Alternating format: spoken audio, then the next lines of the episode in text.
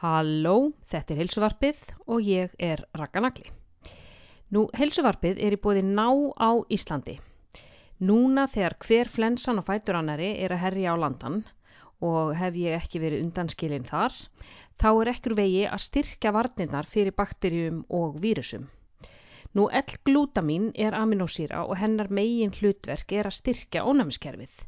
Eins er hún stór þáttur í að laga þarmaflóruna, til dæmis eftir síklarlifja kúr og undirrituð þekkir það af eigin raun, því hún býr til filmu á þarmaveggina og stuðlar þannig að betri upptöku næringar. Ég hef tekið L-glútamín slavist og samvinskusamlega í 25 ár eða alveg frá fyrstu mánuðunum sem að ég steg í sölum rættar. L-glútamín fæst í duftformi eða í pilluformi í til dæmis í háverslun sem er á bílsöða nýju en hún selur einnig Speedo, Nike og hinnar frábæru Houdini útivistafurur. Ég eh, mæli eh, líka með að þið kíkið í Netto en eh, þar fæst L-glútamín en Netto er einmitt annar styrtar aðili heilsuvarpsins. Það er mjög gaglegt að hlaða niður samköpa appinu en þar eru reglulega góð tilbóð þar sem þú færð afslátt í formi innegnar sem nýtist síðar sem greiðsla á kassanum fyrir vörðnar. Nú í þessum þætti af heilsuvarpinu er ég að tala við Jónas Tryggva Stefánsson sem er með vefin Betra Box en Jónas er áhuga maður um samskipti, sambönd og meðvirkni og við töluðum um alls konar tengt eh, því kynlíf, heilbrið samskipti, sjálfsbetrun, að setja mörg, pressa, bara allt mögulegt. Jónas er ótrúlega skemmtilegur og fróður um þessi málefni og ég vona að þið hafið jafn gaman og gagn og ég hafið. Takk fyrir.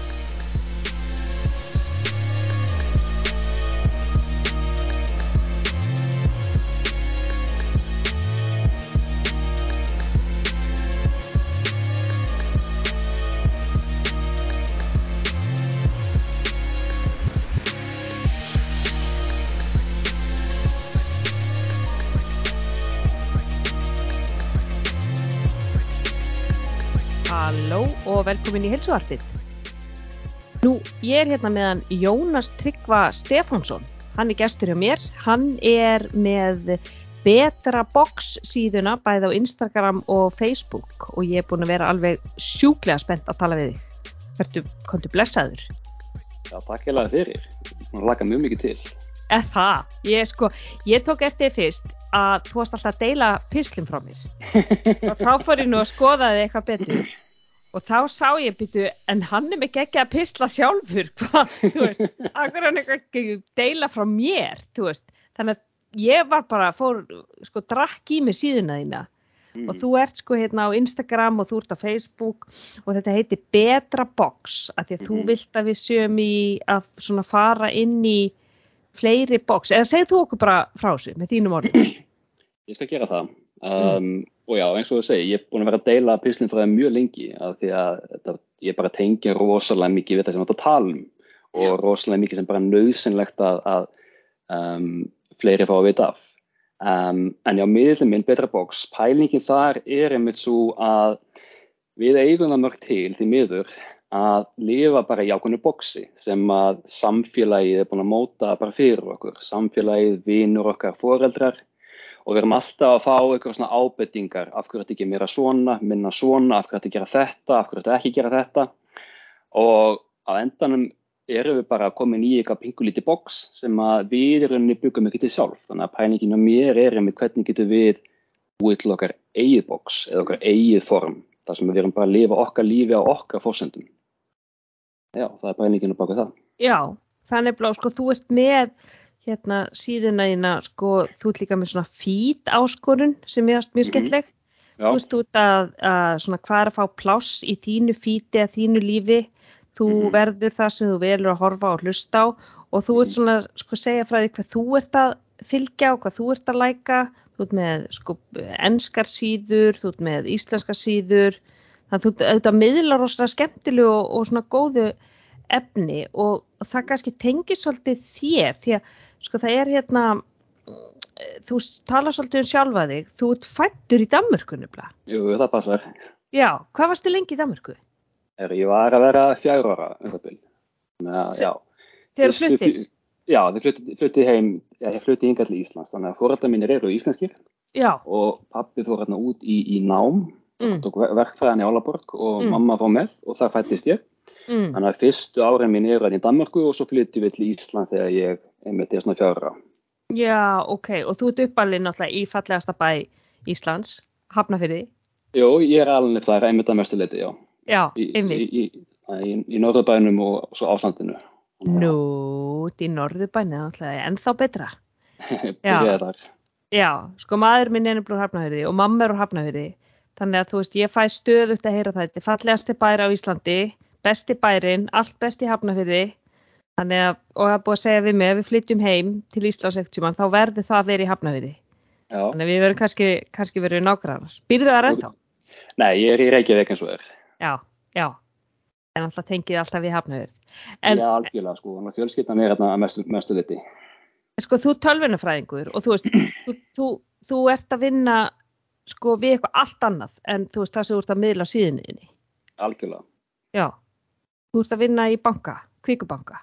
Ég er að vinna í Kveikubanka. Ég var í, í nýju ár hjá Landsbankanum og núna búin að vera í eitt ár hjá Kveikubanka.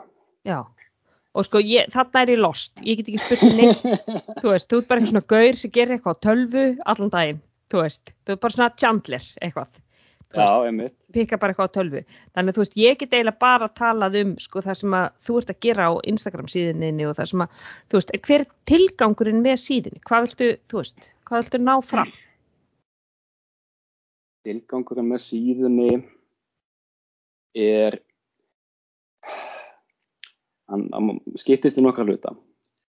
Fyrsti hlutin er einmitt þetta að sína fólki að við erum miklu meira en einhver hlutverk. Við erum ekki bara það sem við vinnum við, við erum ekki fjölskyldurhlutverkin okkar, við erum ekki bara einhver vél sem að heldur áfram og, og getur bara haldið áfram endalaust, við erum fólk með tilfinningar, við erum Mhm. fólk sem er búin að lenda í öllum anskotanum, við erum með tráma, við göngum í gennum erfiða hluti og ég vil fyrstulega bara sína það að það er að vera mennskur. Hluti Mm. af því er bara að tala um það sem ég gengi í gegnum. Mm. Ég átti mjög, mjög erfið æsku og búin að gangi í gegnum ímislegt af mínum lífsferli. Um, en líkilatriði með miðlinu sjálfum er í rauninni að miðla því sem að ég hef verið að læra undanfærin ár og halda fram að deila því sem ég er að læra. Um, og kannski bara að fara að stýpra út í það. Um,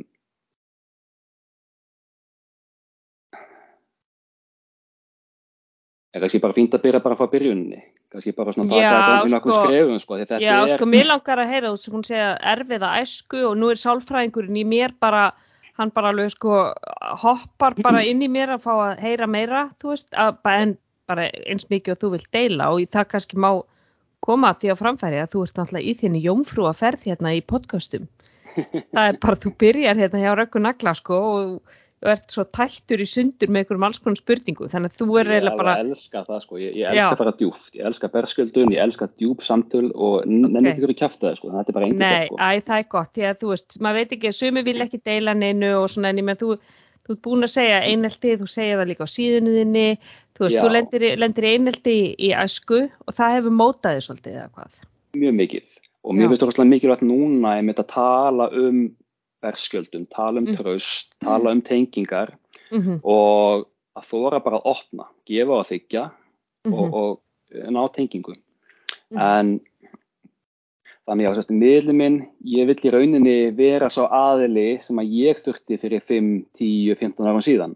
Mm. Ég, ég, vil, ég vil geta miðla því sem að ég lærði, sem ég hefði viljað vita fyrir langa löngu. Hlutinni sem við erum ekki að læra, við erum ekki að læra á samskipti, við erum ekki að læra á heilbritt kynlíf, við erum ekki að læra hvernig eru heilbritt sambönd Mhm. og bara samskipti innan fjölskyldu, milli vina og allt þetta. Mhm. Mhm. Um, Þú talar einmitt um það að fortíðin á ekki að skilgreina okkur og þú elst upp við einelti og óreglu, segir hérna á einum stað. Já, þannig að rauninni barneska mín, ég var rauninni lagði bara í einelti, bara megnið af henni sem að ég bara mann eftir rauninni. Í grunnskóla? Í grunnskóla, mm. alveg kannski bara svona frá fjóruða upp í tíundabökk mm. sem er náttúrulega bara meiri hlutin á skólagöngunni.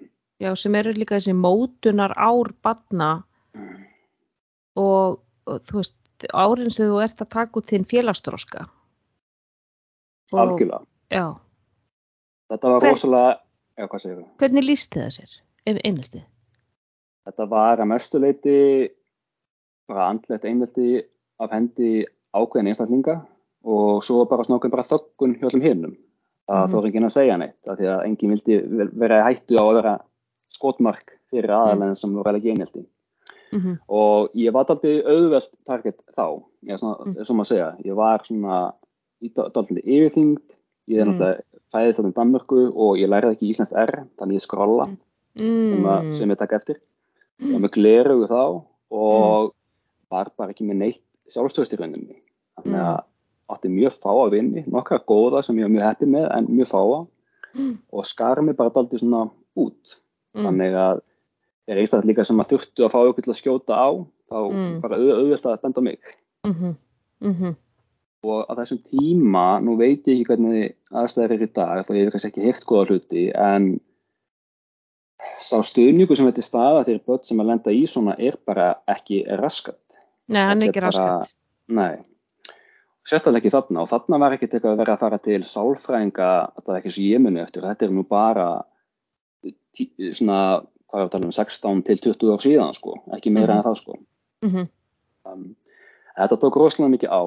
Mm -hmm. og ég var rauninni bara mölbrotinn einstaklingur, í rauninni bara sem bann og kemur og, úr grunnskóla algjörlega mölvaður. Það má segja það, bara mhm ég var nú aldrei greintur með kvíða eða þunglindi að því að það var ekkert að senda mig til sálfræðings en ég er nokkuð vissum að ég hafi verið að klíma þessa hluti. Þannig að lausning sem ég hafi þá var bara, ég mitt bara þorðun. Ég bara fór í bækur ég fór í tölvuleiki mm og lifiði bara í þessum heimi. Mm -hmm. einhver fantasíu heimi já, í rauninni sko. Mm -hmm. þannig að þannig hefst vatninska mín, þannig ég kem kannski ekkert voðalega uh, sterkur sem einstaklingur upp í úlingsárin mm og já, þannig svona byrjar þetta. Og þú ferð sérst úr grunnskóla yfir í mentaskóla vantarlega? Já, ég já. ákvað... Hvernig, hvernig eru þau skipti? Þau voru áhugaverð. Um, mm. Ég mitt ákvað að fara ekki í mentaskóla með þessum um, einstaklingum eða börnum sem voru að taka mm. þátt í þessu uppeldi, þannig ég ákvað að fara í skóla í Reykjavík. Mm. -hmm. Og eru svona hálgjara tilviljun þá vel ég mentaskólan hraðbrönd. Já, já, er hann ekki hættur? Það er búið að loka honum núna, jú. Já, já, já, já. hann var þetta í skeifunni eða eitthvað? Jú, hann var þetta rættið fyrst, ég hafna fyrir því, fyrst en skilst mér, en já. þegar ég, ég var í honum þá var hann nefndið í skeifunni, en fagsafenni. Já, þrjú ár, eða ekki? Nei, hann, hann var tvö ár, á þenn tíma sem að skólið var fjör ár. Alveg rétt. Já.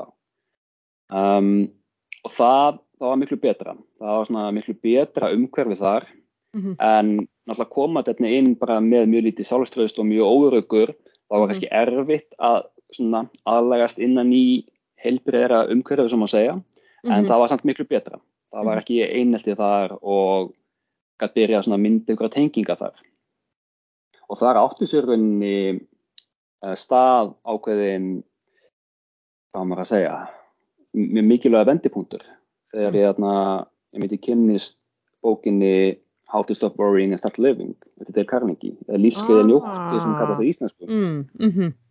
og þá bara byrja ég svona einhvern veginn að læra að spyrja mig ákveðna spurninga bara svona að ég þurft að byggja mig upp upp á nýtt sem einstaklingur í samfélagi að að gera hluti, þóra hluti byggjum hluti bara í félagslega lífinu, í tilhuganlífinu sem var bara ekki til þarna mm -hmm. fyrir enn tímapunkt mm -hmm þá byrjaði ég að læra hluti eins og að spyrja mig bara, heyrðu, hvað er það versta sem getur gæst hérna í þessum aðstæðan sem þú ert að spá hérna í mm -hmm. ok, getur þú sætti við það ef það gerist og ef að niðurstafum mig var já, sem að var oftar en ekki þá var þetta bara, heyrðu, kýlum bara á það mm. og líka bara svona megin hlutir sem ég lærði var að segja eiginlega bara, eiginlega fuck the world, fuck everyone mm. in, in a way, sko Mhm. að þetta skiptir í rauninni ekki máli allavega ekki svona út af in the grand scheme of things þetta skiptir máli hvernig við erum að haga okkur hvernig við komum fram, hvernig við erum að tengjast fólki en það skiptir ekki máli hvernig utan við komandi fólk er að hugsa um okkur Mhm. Það, já, Já, þetta var mjög að- mikilvægt svona startpunktur í mínu svona sjálf, sjálfaferli ef svo maður segja ég myndi heyri það sko, Dale Carnegie er náttúrulega verið með hugran aðsild sem er fyrir alveg upp á tíu sko. Því hann er bara, tekur kvíðan sko hvað er að vestast við gerst, hvað er worst case scenario, hvernig, hvað, hvernig höndlar það ef að það gerist. Veist, þetta er bara allt sem við notum í okkar, okkar sko starfi sem, sem sálfræðingar.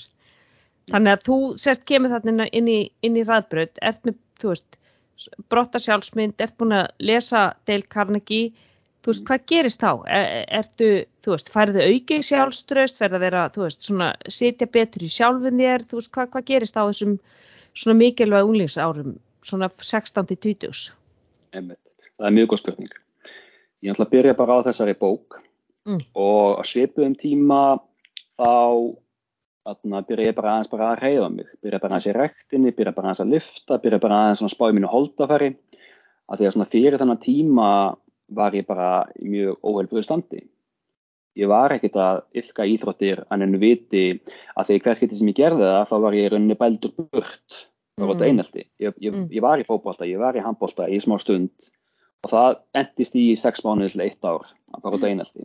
Mm og það var alveg svo slæmt að ég var hættur að mæta í sko, íþróttir í grunnskóla sko.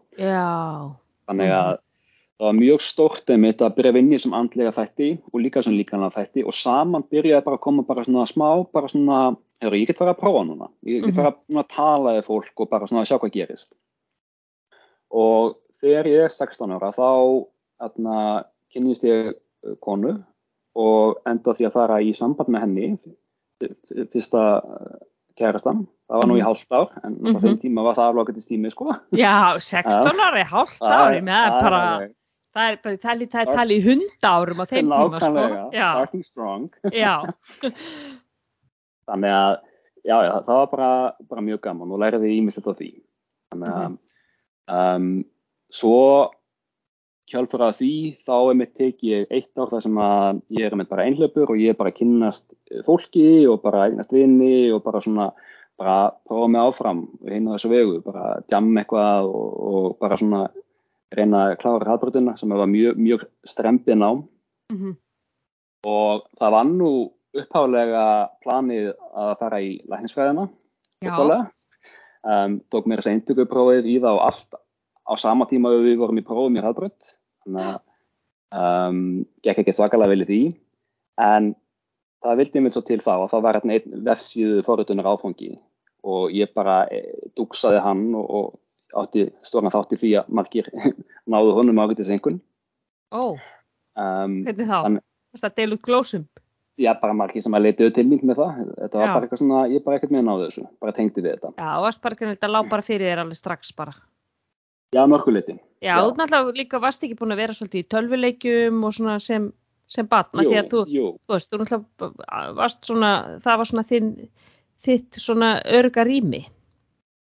Jú, algjörlega sko en þetta er rauninni svart og hvítt í sjálfu sér sko að spila töluleiki og að forrita í rauninni, Mhm, en, en mm. jú, haft ákveðin áhuga á tölvum, ekki spurning Já, þú heyrir hvað ég er rosalega mikið inn í öllum tölvu heimi. þetta er alveg Yes. álutin samt sko Já, Þetta er alveg- en, en út af þessu ég sem sagt eh, fann, ég var alveg þokkalega útbrendur líka bara eftir námið, þetta var alveg fekar strempi nám Mm. og ég hafði ekki alveg orku, ég ætla að fara að læra fyrir læknisvæðiprófið aftur, allavega ekki Mhm. strax Mhm. Þannig ég ákvaði að ská mig í tölvunafræði í staðin í, í Háskóla Íslands og einmitt byrjaði henni þarna 17-18 ára og þar einmitt kynnist ég konu sem ég átti eftir að vera með í sambandi í 11 ár Ó, ok.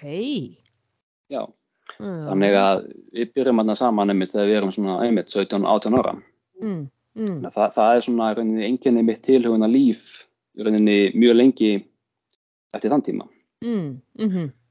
Og já, svo einmitt, einmitt já, á þeim tíma þegar við erum já, við by- byrjum þarna bara saman og sambandið er bara, bara mjög skemmtilegt og, og gott þarna, sérstaklega í byrjun og svo þegar ég er með tvítur þá næ ég einhvern veginn að klára tölunafræðin réttum tíma. Ég fjalli eða öll á fyrsta árinu mm. og útbrendur eftir, töluna, eftir hérna hraðbörðina sko. En tókst einhvern veginn að klára þetta réttum tíma í, í ykkur 140 brós námi hérna síðasta árið eða önnina. Mm. Það er fyndið, maður svona læri að læri á háskólanum. Þetta allt í henni bara kemur, það er bara, bara svona klikk, ógeðslega veit það. fyndið. Ég veit það, það er svona maður fyrsta árið, það er maður með svona í mitt 5, 5,5, kannski 6 og svo bara síðasta árið, ég, ég var með 9 og 10 bara í öllu sko. En ég með Já, fyrsta einmitt. árið sko, ég var bara, ég var bara, ég var bara slefa áfangana sko. Já, já en það er alveg rétt, maður lærir að læra og þetta verður líka einhvern veginn bara svona, maður fær meiri áhuga og þetta verður skemmtilegra og maður fyrir að tengjast náminu betur og, Mhm. og einmitt tilenga sér námstækni og, og það er ótrúlega margt sem að lærir einhvern veginn í skólinum sem er ekki beint námstengt. Einmitt. Og líka Já. bara eins og stór þáttur bæði í skóla og í lífinu er náttúrulega sjálfströst sem Mhm. ég held að er náttúrulega samanstandi á tveimur þáttum. Ég held að það er samanstandi því að við stöndum við, þegar við stöndum við lofurinn sem við gefum okkur sjálf, Mm þá byrjum við með þetta sjálfströst. Og þegar við sjáum þá jákvæðar sannanir, jákvæð sannanir, aftur, aftur, aftur. Þegar við Mhm. sjáum, heyrðu, við getum þetta, við getum gert meira. -hmm. og einmitt, ég held ég að fengi þarna einn í einhvern fyrsta miðanaprófunu, einhverjum, grunn áfanga þarna fyrsta önninni, Einmitt. enda, eða svo, enda ég að fá þarna tíu í ennum erfiðast áfangunum þarna einhvern veginn setna, skilju. Já, þetta er ótrúlegt. Þú veist, maður er svona bara, "Bíddu, hvernig get ég fikk einn? Þú veist, það er ekki einn bara fyrir að skrifa nafni sitt, þú veist, klúðraði ég því líka. Já, þetta, þetta Já. var aðeins meiri í, í, í starffræðan en þú vona. Þannig Já, já, einmitt, já, einmitt. Skulum ekki ræða starffræði hér í þessu, nei, þessu podcasti. Nei. En, en sko, en hvernig var þá sambandið, því þú segir þú varst í sambandi í 11 ár, Mhm. uh, lauk því svo? Já, því lauk fyrir svona tveimur og hálfu ári síðan núna, ef má Ok, segja. Um, og. Fórstu þá að vinna svona í sjálfum þér, af því ég veit að þú ert búin að vera í lausninni, þú ert búin að vera, Mhm. þú veist, að fara í alls konar, þú veist, hjá, hjá hinum og þessum, var það eftir að, eftir að sambandinu lauk? Þú veist, þú talar um meðvirkni, þú veist, Mhm. eh, var það í sambandinu eða var það, var það í kjölfara sko uppeldinu?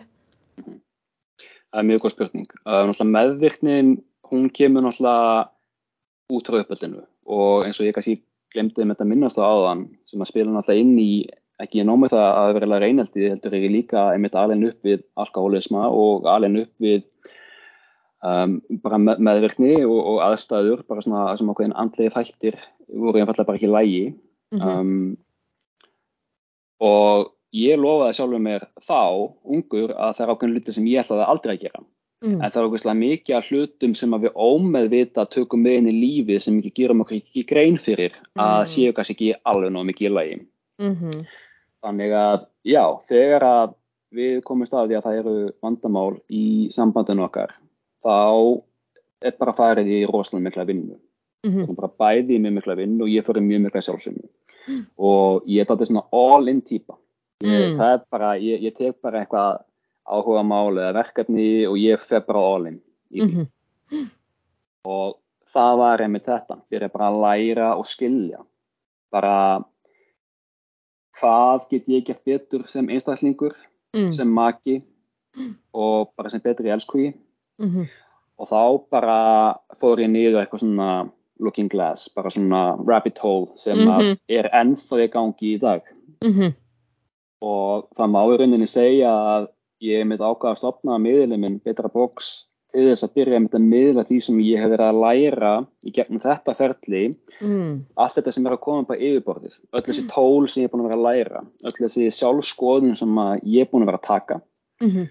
og öll þessi rauðu flögg sem við sjáum ekki sem að ég var farin að finna í sjálfum mér og ég sé núna allstaðar hvert sem ég lít þetta er svona Mm.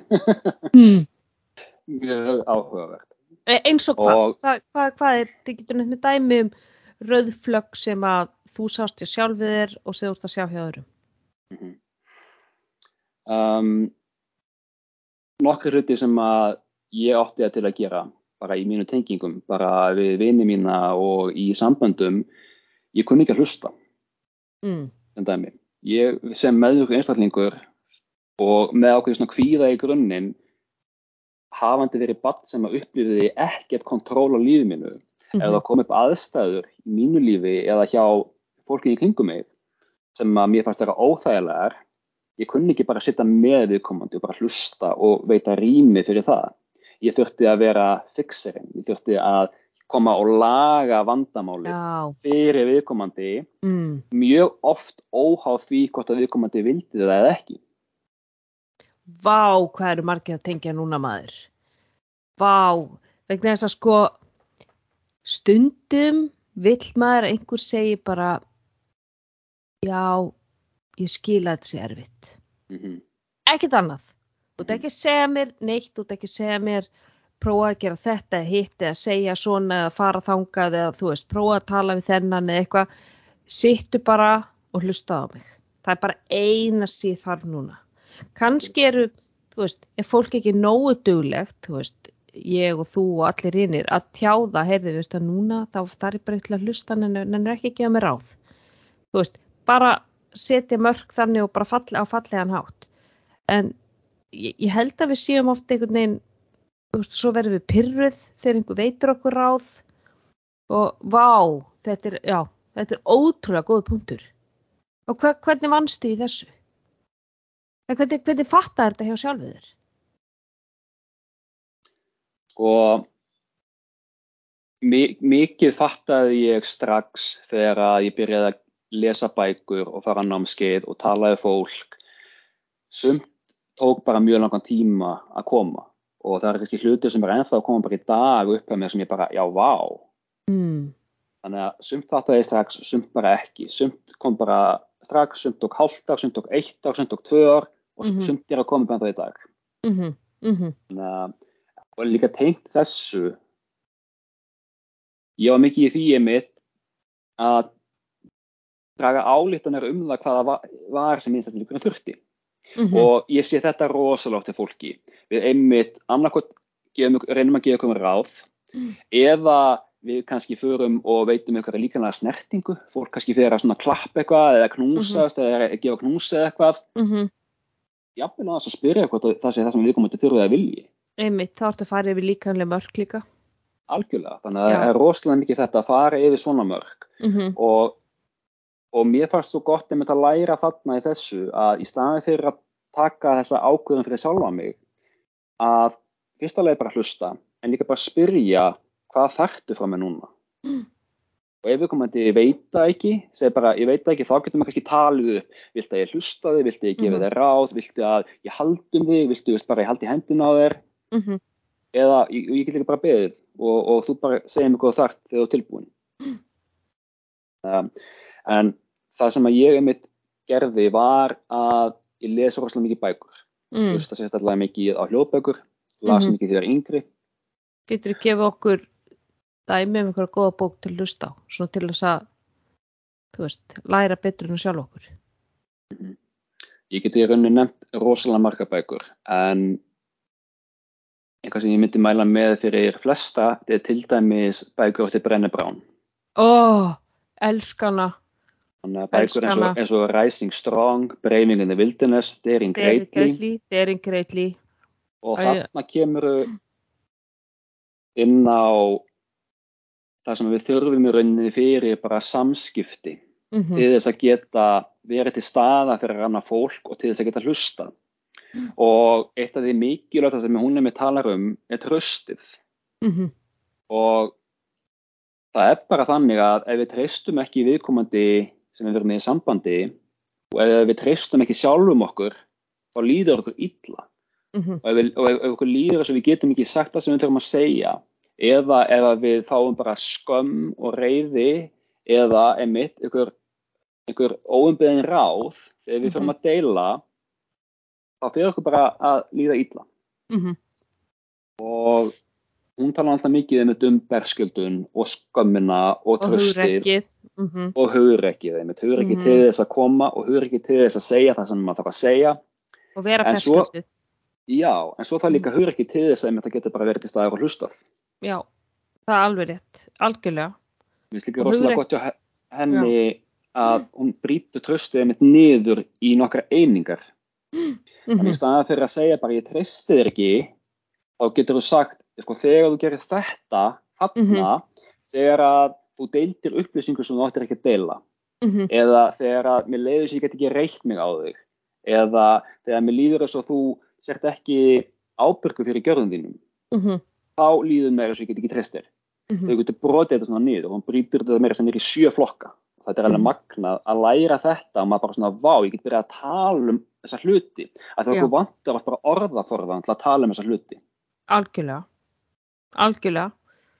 Þannig að þú, fóst sko, þú fóst líka námskeið sko, þú ert búin að fara fullt af námskeiðum. Bara námskeið hjá hérna lausninni hjá henni Þórildi og Sundur og Saman, þú ert búin að fara í kynlífsráðgjöf. Mhm. þú veist, þú ert búin að kynna þér alls konar samskipt og sambönd og þú veist hvað hva var þess að þú fóst í þessa vinnu? Þú, þú sagði sko, þú, þú varst, gerði þetta meðan þú varst í sambandinu. Uh, sambandinu lauk þannig að helstu þá þessari vinnu áfram og vildur bæta þig eða hvað? Já, ég held þessari vinnu einmitt áfram og ég bara fattaði að þetta helst allt saman í hendur. Allt saman, þetta er ekki bara eitthvað eitt svið, þetta er ekki þú fer ekki bara í sálfræði, þú vinnur ekki bara í samskiptu, þú vinnur ekki bara í sambandi þú vinnur ekki bara í kynlífi eða, eða hvernig fólk er að njóta sín í kynlífi. Þetta helst allt saman í hendur þegar þú yfkar einhvers konar sambund Mm -hmm. um, og ég hef einstaklega mikið áhuga á sérstaklega mynd kynlífsrákjöf Mm. af því að kynlíf spila rosalega stóran þátt í líf okkar Mm. og í tengingum með fólki Mm og því miður er það bara staðreind að megnið af fólki er ekki að njóta sín almennilega í kynlífi Mm. sér sérstaklega konur -hmm. því miður og það er rosalega mikil skömm sem er hérna til staðar og það er ekki veitt rými til að tala um þetta okkur Mhm. er ekki kent að tala um hvað við viljum og hvað við þurfum Mhm. og þetta er rauninni bara alveg eins í samböndum en Mhm. ég einmitt lærði það að einmitt unaður í kynlífi er í rauninni bara velíðan í tengingunni pluss spenna Mm. þannig Mhm. að þú þarft í grunninn þá þarftu þetta traust við með viðkomandi. Þú þarft að hafa traust gaggat sjálfrið þér. Þetta hafa gaggama virðingu. Þetta upplifa það að þú getur talað um þessa hluti. Mhm. svo þetta komin í langtíma samband þá þarftu að spá í einmitt spennunni að Mhm. þarna, ef það er ómikið closeness þá getur ekki verið einmitt spenna í þessu distansi Mhm. og ég mæli til dæmis um bókum eftir Esther Perel eins og Mating in Captivity, um Esther Perel, já, já, hún með er snillíkur. Og einmitt til það kemur að því að njóta í kynlífi þá mæli ég með bókinni You Are eftir Emilina Gauski og þar sem að hún einmitt talar um hvernig við rauninni virkum bara sem kynverur, sérstaklega Mm. konur Mm. og það, það var changer fyrir mig að uppgöta það að það er í rauninni ekki til sem að heitir sexdræf í rauninni ekki en ef það væri til þá myndi í Sex, rauninni sex drive, ertu að meina kynkvöt? sko það er ekki til kynkvöt en þetta er ekki bara einhver einn ás Mm. þetta er ekki bara on and off Mm. þess að hún lýsir þessu þá eru við í rauninni með svo kallar uh, kveikjur og Mm. bremsur Mm. og það sem við reynum öll að gera við reynum alltaf að þegar einhvað er að í sambandun okkar eða lífin okkar eða kynlífin okkar við reynum alltaf að bæta ykkur við. Við reynum að krytta eitthvað upp á við reynum að bæta við einhverjum leikfengum eða hlutverkuleik eða einhvað svoleiðis sem er gott að blessa. En málið er að þetta virkar í rauninni bara svo bíl Mhm. um, það skiptir ekki máli hvað þú gefur mikið á bensinkjöfuna ef að þú ert aðeins á bremsunni bílinn fyrir ekkert að stað Mhm. það er þessi líkil þáttu þegar kemur einmitt að þessari velíðan það er hvað er að slökka á þér Mm. já fólki er það kannski það getur verið stress, það getur verið Mhm. streita það getur verið vantröst það getur verið umhverfi, það getur verið Mhm. þriðja, þriðja vaktin að spila þarna inn í Mhm. og það er bara svo rosalega mikið sem að spila hérna inn í og þegar maður bara getur byrjað að fatta er það bara öll þessi velíðan hún er háð því að geta kveikt í okkur, eða kveikt á okkur, tekið þessa bremsur í burtu, upplifa það að við séum í örugri tengingu með einstaklega sem við treystum, þar sem við treystum okkur sjálf helst nú vel til þess að geta tala um það sem kemur upp hjá okkur. Mm -hmm. Vita það að ef við segjum eitthvað þá verðum við ekki bara skotið niður fyrir að segja það. Við upplifum mm. tröst og við upplifum virðingu. Mm -hmm. Þannig að þetta helst það saman í hendur. -hmm. Mér finnst þetta alveg magnað. Og, og, og, og eitt sem er alveg líkil aldrei þegar það kemur að kynlið, bara því ég elskar að koma þessu að. Mm. Pressa drefur kynlið. Mm. Og þessi, þessi væntingum um okkar enda markmið. Mm -hmm. Og ég hef aðeins undanfjöldum árum aðeins verið að kynna með tantra. Og mér finnst það Mm. mjög áhugavert viðfársefni. Og það sem ég mitt læra út af því er að það er svo mikilvægt að þegar við erum að tengja sjálfum okkur inn í manneskunni, að markmiði sé við erum bara að njóta saman, við erum bara að Mhm. leika okkur. Kynlíf er Mhm. bara uh, leiku fyrir fullorna. Mm -hmm. Og ef, að, ef, ef, að, ef að markmiðið er að fara að fara í fimm mínútur, þá er ekkert gaman. Nei. Og þegar þessi pressa og þessi þörf, þess að þetta skilir því að þurfa að ná ykkur um klæmaks, þetta er staðar, Mm -hmm. það er svo mikil pressa fyrir fólk, megniða fólki, fyrir sumar er ekkert mál, en fyrir megniða fólki og sérstaklega er þetta oft pressa sem er sett á konur. Mm Það er sett mjög mikil pressa á konur, þú þarf að performa, alltaf að vera að gera eitthvað í stafinn, -hmm. það er alltaf að klára eitthvað með einhvern tíma og því Mhm. miður virðist vera lenska, sérstaklega á kallmönnum, -hmm. að það er bara okkur smá tímarami eftir 5-15 mínútur og þeir bara búnir þannig að það er að skottir þegar er búin líka Já, þetta er svo óheilbreykt Mm -hmm. og þetta drepur kynkvöld og kynlöngun í Mhm. samböndum og en á sama tíma þá álasa ég fólki ekki fyrir að vera í þessari stöðu því að hvað, hvað er þú að vita? okkur er ekki kent neitt um þetta sem börn, sem úrlingar, við vitum ekki neitt. Þannig að við þurfum að vera heppin í rauninni og detta inn á fólk eða bækur eða eitthvað rásir eða miðla sem að byrja að tala um þetta og hjálpa okkur að eiga þessi samtöl. Mm -hmm. Og tala um þetta líka svona heilbriðanhátt að ég meina mörg, mörg börn og unglingar þau sækja bara sína þekking og fræðslu einhvers þar einhverjum sko klámsíðum, Pornhub eða YouTube eða þú veist og horfa eitthvað svona afbreyðilegt kynlíf og halda það sé normið og, og, og þú veist ég veit að að, að, að sko hjúkurnafræðingar sem að sko landsbyttalum hefur áhyggjur að því á tímabila voru svo margar ungar stúlkur að koma inn sko með hálfa ónýta ringvaðu vegna þess að þær heldu að sko þú veist anal kynlíf væri bara eitthvað norm og þær þú veist lefiðu það bara. Og, og þá var náttúrulega þú veist strákar sem voru búin að sækja sér þá þekkingu úr einhverjum þú veist ég veit ekki tónlistamindböndum eða einhverjum klámsíðum eða eitthvað. En þú veist það, það er líka ábyrðarhluti að þú veist börn og unglingar og, og, og, og bara þú veist fólk almennt þú veist fræði sig um þú veist hva, hvað er heilbriðt kynli og hvað er heilbrið mörg og hvað, hvernig getur máttu segja nei eða þú veist hvernig áttu að segja nei og þú veist þetta vil ég ekki og þetta er ekki til í og þú veist þetta er ekki bóði og þannig að, að já ég meni ég man ekki eftir kynfræðslu þú veist ég held að þetta hafi verið hálftími eða eitthvað þú veist þetta var einn kennslustund og eitthvað svona skundað bara yfir þetta í einhverju, einhverju með kynróða og einhverju fálmi sko.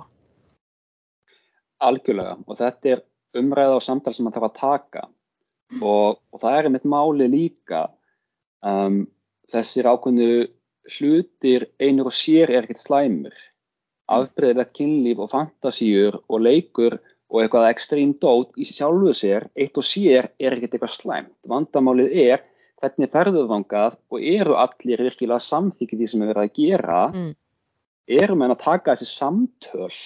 Er verið að tjekka inn? Er verið að spá í þessu mörgum og fá samþykki og, og þegar þú ert komin með sko heilsufarsli vandamál sem Mhm. afleðingu veist, þá, þá erum við að tala um vandamál en já, þetta er, þetta er mjög, mjög aðeinsvægt og ekki nógu mikið talað um þetta því að þú veist, fólk er bara veginn að kvísla veist, um kynlíf og þú veist, er, er ekki að ræða þetta nóg mikið. Þetta er svona svolítið svipað eins og, þú veist, breytingaskeiðið og blæðingar og þú veist, þetta er svona, allir verða eitthvað ógeðslega beglaður og krumpaðir þegar þetta ber á góma en ég meina byrjuðu halló, er ekki heila flest, þú veist, flest allir stundakynlíf. Eh, helmingur mannkins er á blæðingum, helmingur mannkins fyrir líka á breytingaskeiði, þú veist, tölum bara um þessa hluti, þetta er allt bara, þetta er bara partur af því að vera, þú veist, mannlegur. Já, já. Ég er bara að tala um það einmitt að unga stelpur þurfa að vera að fela tíðavörðna sínar og sínum eigin Mm. heimilum eins og Einmitt. þetta sé eitthvað að skamma sín fyrir. Einmitt, Þetta Einmitt. er dapurlegt. það er dapulegt sko. En þú sérst, þú varst líka hjá lausninni, Já, ég tók þarna námskeið þar já, sem var einmitt um, um, um sambönd og samskipti. já. Hvað lærður þar? Ég lærði ímjöldið þar og einn af hlutunum sem að ég lærði þar sem að ég nýti mikið í minu daglega lífi í dag eru ástatungumálin. Ah, the love languages. Já, því ég, ég, einmitt, ég fattaði það, ég held að hún lærta eitthvað aðeins fyrir það en ég fekk svona upplifunum með það þar. Mhm, Ég fattaði það að ég var með einhverja einn eða tvo ákveðna vegu sem að ég var að, kannski, að upplifa ást. Ég var að þykja ást á ákveðna vegu og af því að ég vissi ekki betur þá ákvaði ég að sína alltaf ást hann líka. Ah, Þannig að einmitt. ég var kannski í sambandi að sína ást, sína ást, sína ást og viðkomandi var bara eitthvað, "Bíddu, er ekkert í gangi hérna það, Já, bara, já, einmitt, af því að hún var ekki með sama, sama ástatungumálið. já, þannig Já. að það spilar alveg mikið inn í. En hvað er þitt? Það er alltaf búið að breytast, það er alltaf áhugaverð. ok, En kannski bara alltaf, einmitt, eh, tellja það upp hérna, þau eru þarna quality time eða gæðastundir. mhm, Þegar fólki er einmitt bara svona um, tími saman þar sem að það er ekkert eitthvað, það er ekki sími, það er ekki eitthvað utan að koma til áriti, það er bara að þú finnur að viðkomandi er með þér hér og nú að Mhm. njóta tímans með þér. mhm, Það að horfa á bíómynd saman og annar aðeins í símanum með eitthvað, það er ekki gæðastund. mhm, Það er bara, og þetta er dæmið um eitthvað sem ég bara fattaði ekki til dæmis. Ég var alveg þarna. Að og það? mjög segur um það. Eitt my dæmi af God. mörgum sko. Við, sko, við hjónin erum rosaleg, það er bara við erum gæða stunda fólk ofan í götnin á okkur, sko. Það er aldrei sími, við erum alltaf, þú veist, við erum aldrei með símaðir að horfa á sjómarpi saman, við erum aldrei með símaðir um að, þú veist, borða eða, og það er einmitt, það er mitt ástatungumál, það er bara, og ég, það, það er ekki að vera neitt merkilegt, við getum alveg setið inn og bara horta okkur þátt, ég bara, það er bara, fyrir mér er bara quality time all the way, sko. að finna fyrir nærveru viðkomandi og finnir að viðkomandi vill vera þarna með þér. Einmitt og þeir að upplefa eitthvað saman það er svo mikilvægt líka þeir Já. að, þeir að skapa eitthvað minningu saman Já. Algjörlega. Og bara finna þessa tengingu. mm. svo kemur, svo er hérna acts of service Eftir service, það er einmitt, hvað kallum við það, þjónustu uh, já, eitthvað svona, ger, eitthvað. ger, eitthvað, Já. fyrir einhvern Já, við Svona, erum alltaf kannski að fara á þrýfa eða fara á mála eða fara með bílni viðgerð eða kaupa inn eða Já, eitthvað svona sína í verki já, hvað þú elskir þig komið til vikið.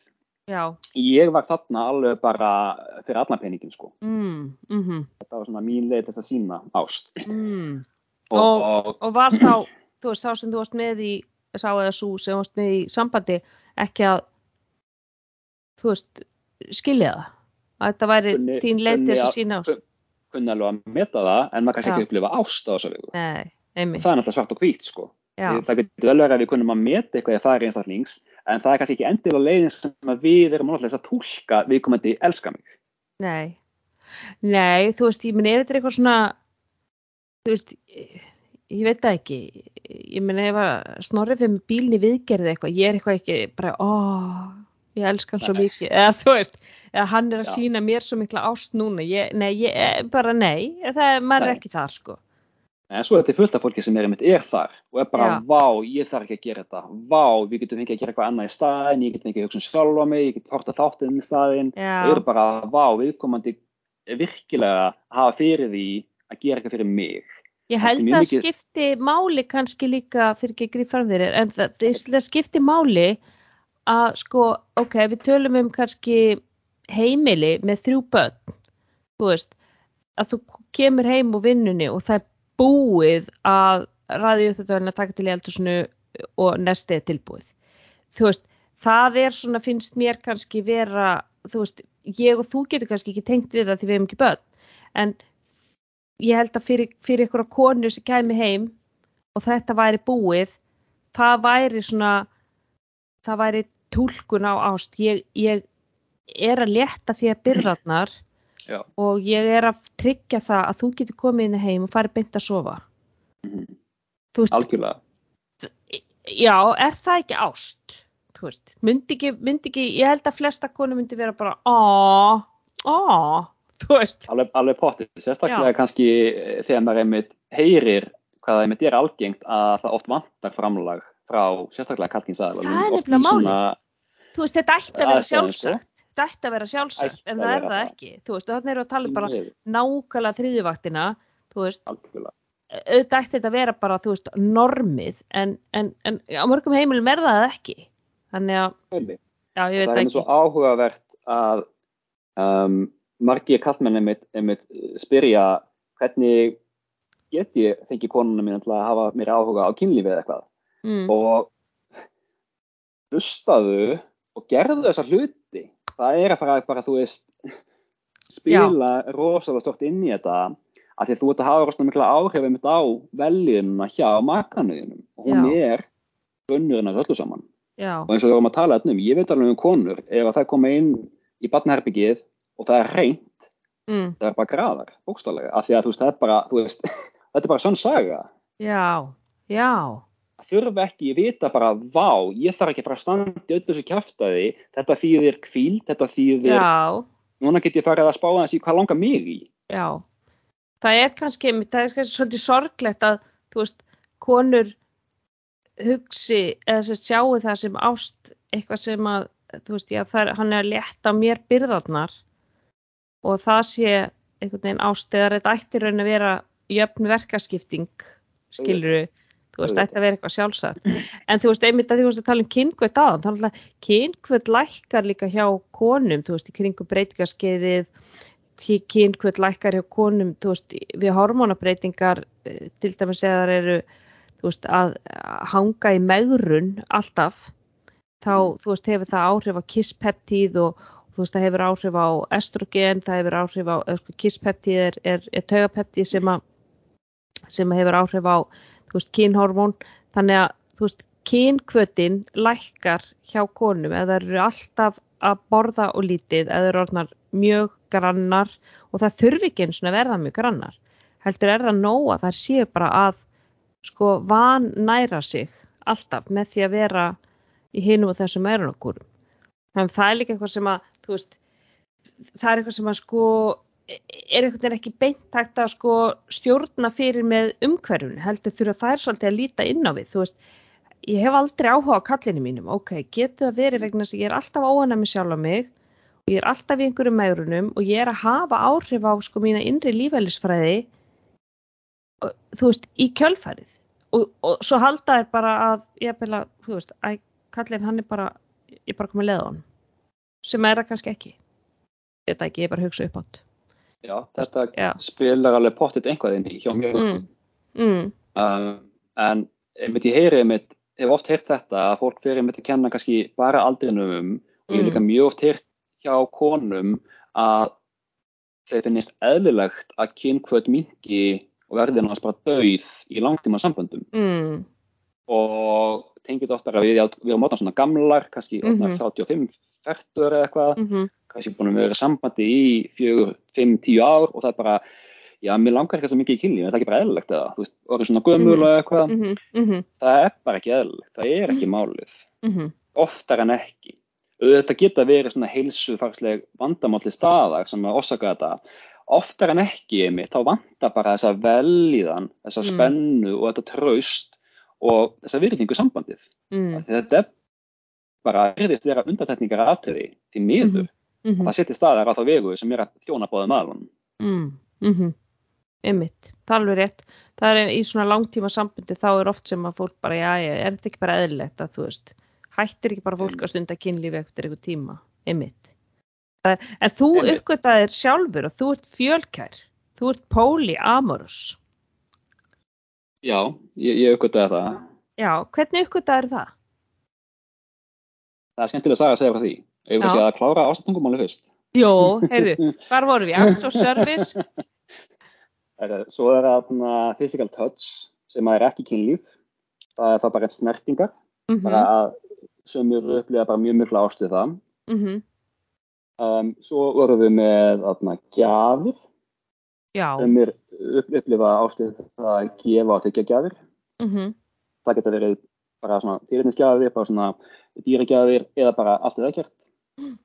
Og svo er það síðasta það er hérna um, hugheistingar og, og hérna words of affirmation. Já, Svona, þetta er svona, þetta- ég elska þig, þú ert svo falleg, já, þú ert svo falleg, ég elska þig, þú ert yndisleg. hrós og segja viðkomandi hvað skiptið miklu máli, hvað standa sér vel og bara svona Mhm. hluti. Já, já, Þannig að, einmitt. Og í upphafi þá tengdi ég aðalega við mitt þarna, act of service fyrst og Mm. fremst en í dag er ég aðalega quality time og physical touch. Mm, bara, mhm, og, þa- og það er líka máli, við erum flestin eitthvað svona primary og secondary language en við getum lært hinn tungumálin, við getum Mhm. gert það, þannig að við erum ekki dauða þó að við séum ekki að tengja strax sko, við getum lært Mhm. það. Mhm, og það vill reynda svo skemmtilega til að ég lærði svo nokkuð með hann setna, það er eiginlega til sjötta tungumáli líka. Ó, sem ok, að er ekki, ekki official hjá, hjá höfundunum en þetta er mjög algengt einmitt í, í póliheiminum, fyrst að við erum fyrir að tala um hann þessum fjölkjæra heimi, það er, um, en það er alls ekkert bundið við þann heim.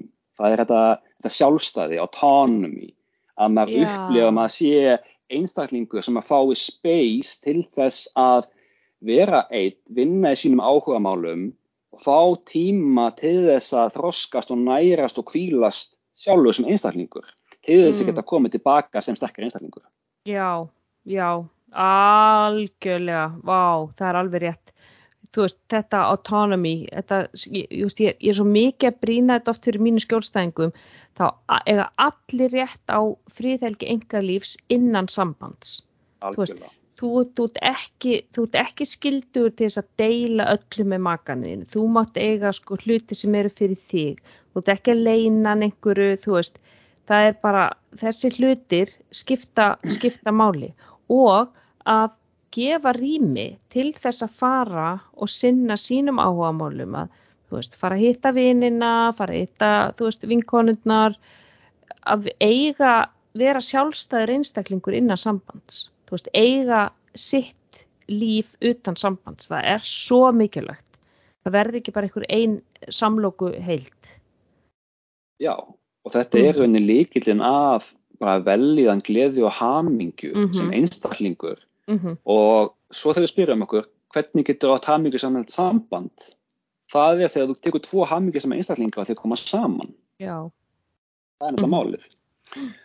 Og mér finnst þetta svo fallegt að þú talar um þetta og málið er um þetta kannski ég veit ekki hvað íslenska þýðingin á þessu er en secrecy er ekki að sama á privacy. Við eigum rétt á privacy. Já. Já, þú ert ekki, Þetta þú ert ekki bara- að halda neinu leindu þó þú haldir hlutum fyrir þig eða þú veist, þú deilir þeim ekki. Þú veist, Nei, það, þú ert ekki, að- þú ert ekki að leina, leina einhverju. Og, og það er einmitt sko, þú veist, því ég meina auðvitað margir sem að, þú veist, koma til mín og fara svo kannski heim og segja makanum allt sem þið voru að segja hjá sálfræðingum og þú veist, þá maður bara svona, heyrðu, þú átt alveg rétt á því að þetta sé allt bara prívat. Veist, Mhm. að, að makiði ná ekki drétt á heimtinga og vita hvað, hvað fer fram í þessum tímum.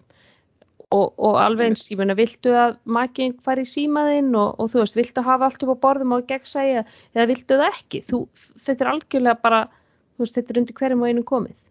alveg sammála þessu Já, en þú, sest, þú, þú ert fjölkær. ég er fullkær Já, og ég uppgötaði það í rauninni fyrir seint. Ég hef alltaf verið mjög open-minded bara með kynlíf og, og bara fólk og tengingur og svoleiðis. En ég uppgötaði ekki að vera fölkjær fyrir en eftir ég byrjaði að deyta eftir um, sli, slitið á svo langa sambandi á mér. mm, Þannig ég fattaði það þegar ég var komin í nýtt samband með konu sem ég var orðin mjög hrifin af. Ég fatti með því ég var orðin bara mjög hrifin af henni á sama tíma og ég er ástfangin af konunni sem ég var með í sambandinu öll þessi ár sem er mjög skiljanlegt. mm, Og hvað þýðir þetta? Fyrir mér þýtti þetta bara það, herðu, ég get upplifað tilfinningar romantík Mhm. fyrir gagvat fleirum en einum í einu Mm. og mér fannst það bara, það var smá skrítið fyrst en mér fannst það svo fallegt Mm. Að, að þurfa ekki að býða eftir því að ástinni eða tilfinningarnar gagvat fyrirverandi þurfa að vera klukkunni, já, hvernig er þetta búið, hvernig má næsta Mm. byrja Já. Já, en sko, einmitt, fó- fó- fórstu ekkert svona, fórstu ekkert í innri tókstreitu um að þú værir, þú veist, að vera ótrúr? Þú veist, átta, þú veist, að því að einhver sem að væri með þau gildi, að þú veist, er búin að alast upp í það, bara, þú veist, vera einhvæn og, þú veist, það er bara einn maki og allt þetta sem að einhvern veginn bara samfélagið svolítið setur eitthvað svona norm. Fórst ekkert í eitthvað svona tók, innri tókstreitu bara, ó, shit, heyrðu, ég er að halda framjá eða ég er að upplifa tilfinningar og ég er að svíkja eitthvað, þú veist, við ekki.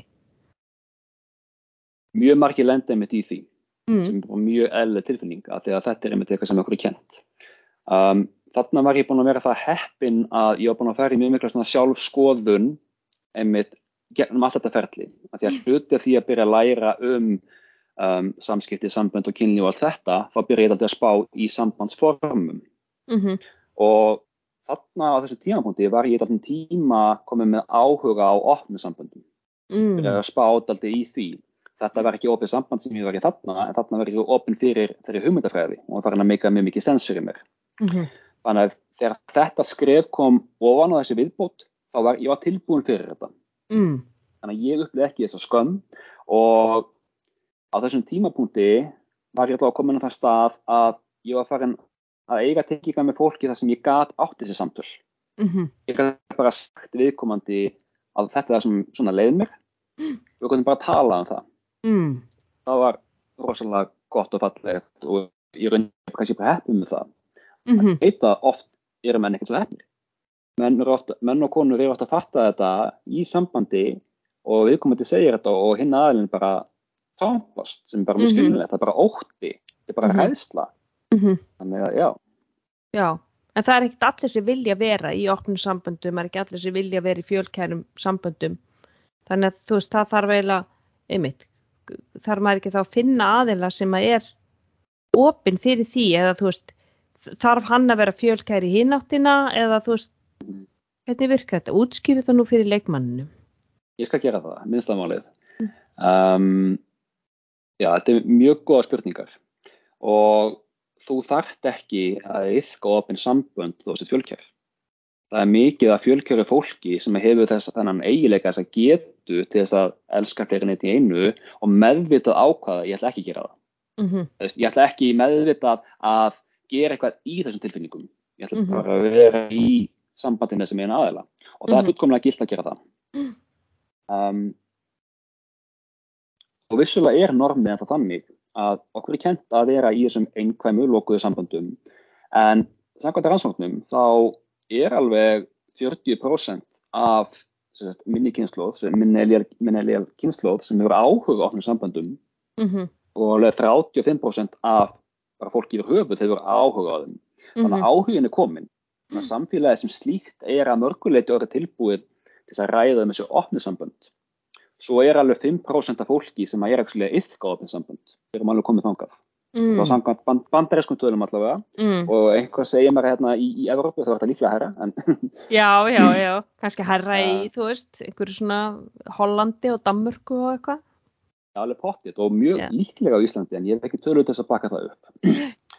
en líkillinn í því að þegar þú einmitt ákveður, heyrðu, ég ætla að gera kröfu um opinn samband eða ég vil taka þessa umræðu um Mhm. opinn samband, þá er líkillinn þess að kallast ethical non-monogamy. Mm Ethical hluturinn er líkil að drifja í þessu.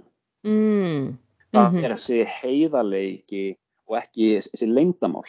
-hmm. Það er ekki þetta framjáhald mm -hmm. sem er á sér stað. Mm Það er rauninni líkillinn í þessu.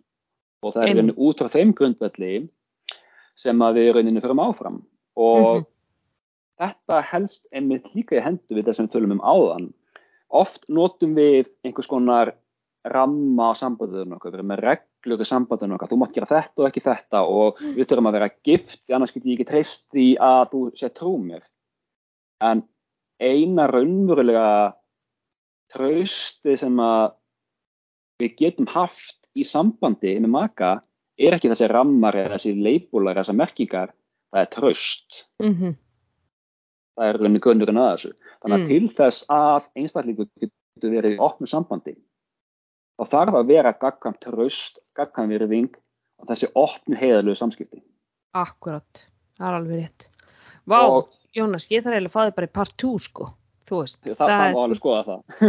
þú ert alveg bara, það er endalust sko. Það er bara, sem er bara samskipti eða sambönd eða, þú veist, kynlíf eða, þú veist, bara hvað sem er. Ég með tala nú ekki um öll tölvunafræðin sem ég get, sem að þú eru að fara í eitthvað annað podcast með það reyndar.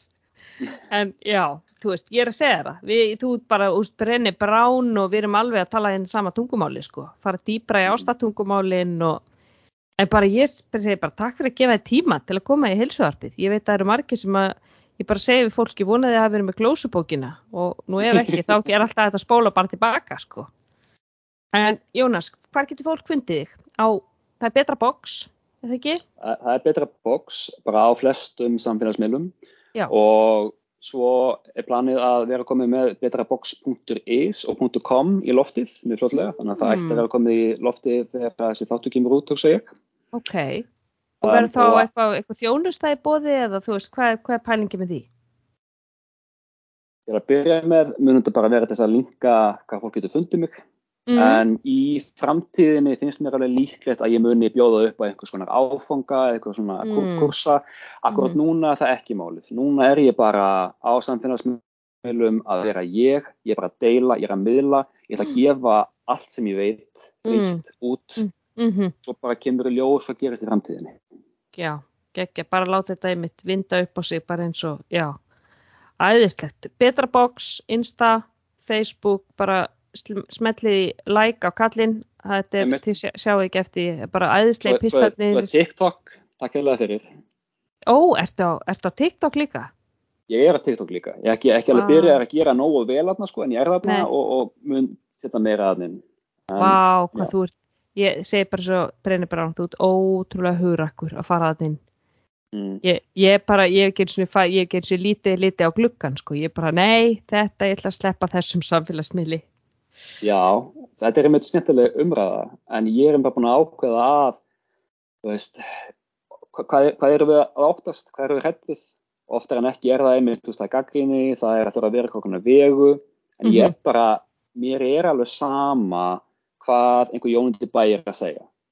Það eina sem ég spá er í, hvað er, þú veist, mínu nánustu vinnir, nánasta fjölskylda, hvað finnst þeim? Já, Og þeir þurfa ekki að vera sammála mér, þeir þurfa bara að samþykja á að virða það sem ég er að gera. Það er eina sem ég byggðum. já. Eiginlega eina sem að, eh, sko, eh, ég hef bara ekki tíma í þetta allt saman. Nei, það er, er bara ég Þannig ég þetta bara, mjög, ok, mjög við einu, einu samfélagsmiðlunum færra, það er bara er ágætt, sko. Ég, ég kann að skrifa og ég ætla bara að halda mig við það. Og þeir, þeir Já. hann á TikTok hafa rosa lítinn þetta- áhuga á það. Já, reyndar, algjörlega. En við tökum Já. spjallum þetta setna. Ég efast ekki um það. Þetta er alveg-. En mér langar ykkar, alltaf ég fæ kannski að nýta hérna fyrir rest, að við vorum að tala um fjölker og pólísambönd. Mér mhm, langar alltaf að mæla með bókinni Sex at Dawn. sex at dawn.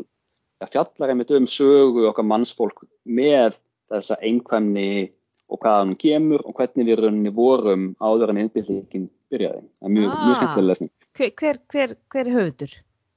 Ég man ekki hvað hann heitir. því Sex miður. at dawn, Hann það eða er, hún. gú- googlið það, gott fólk, googlið þetta.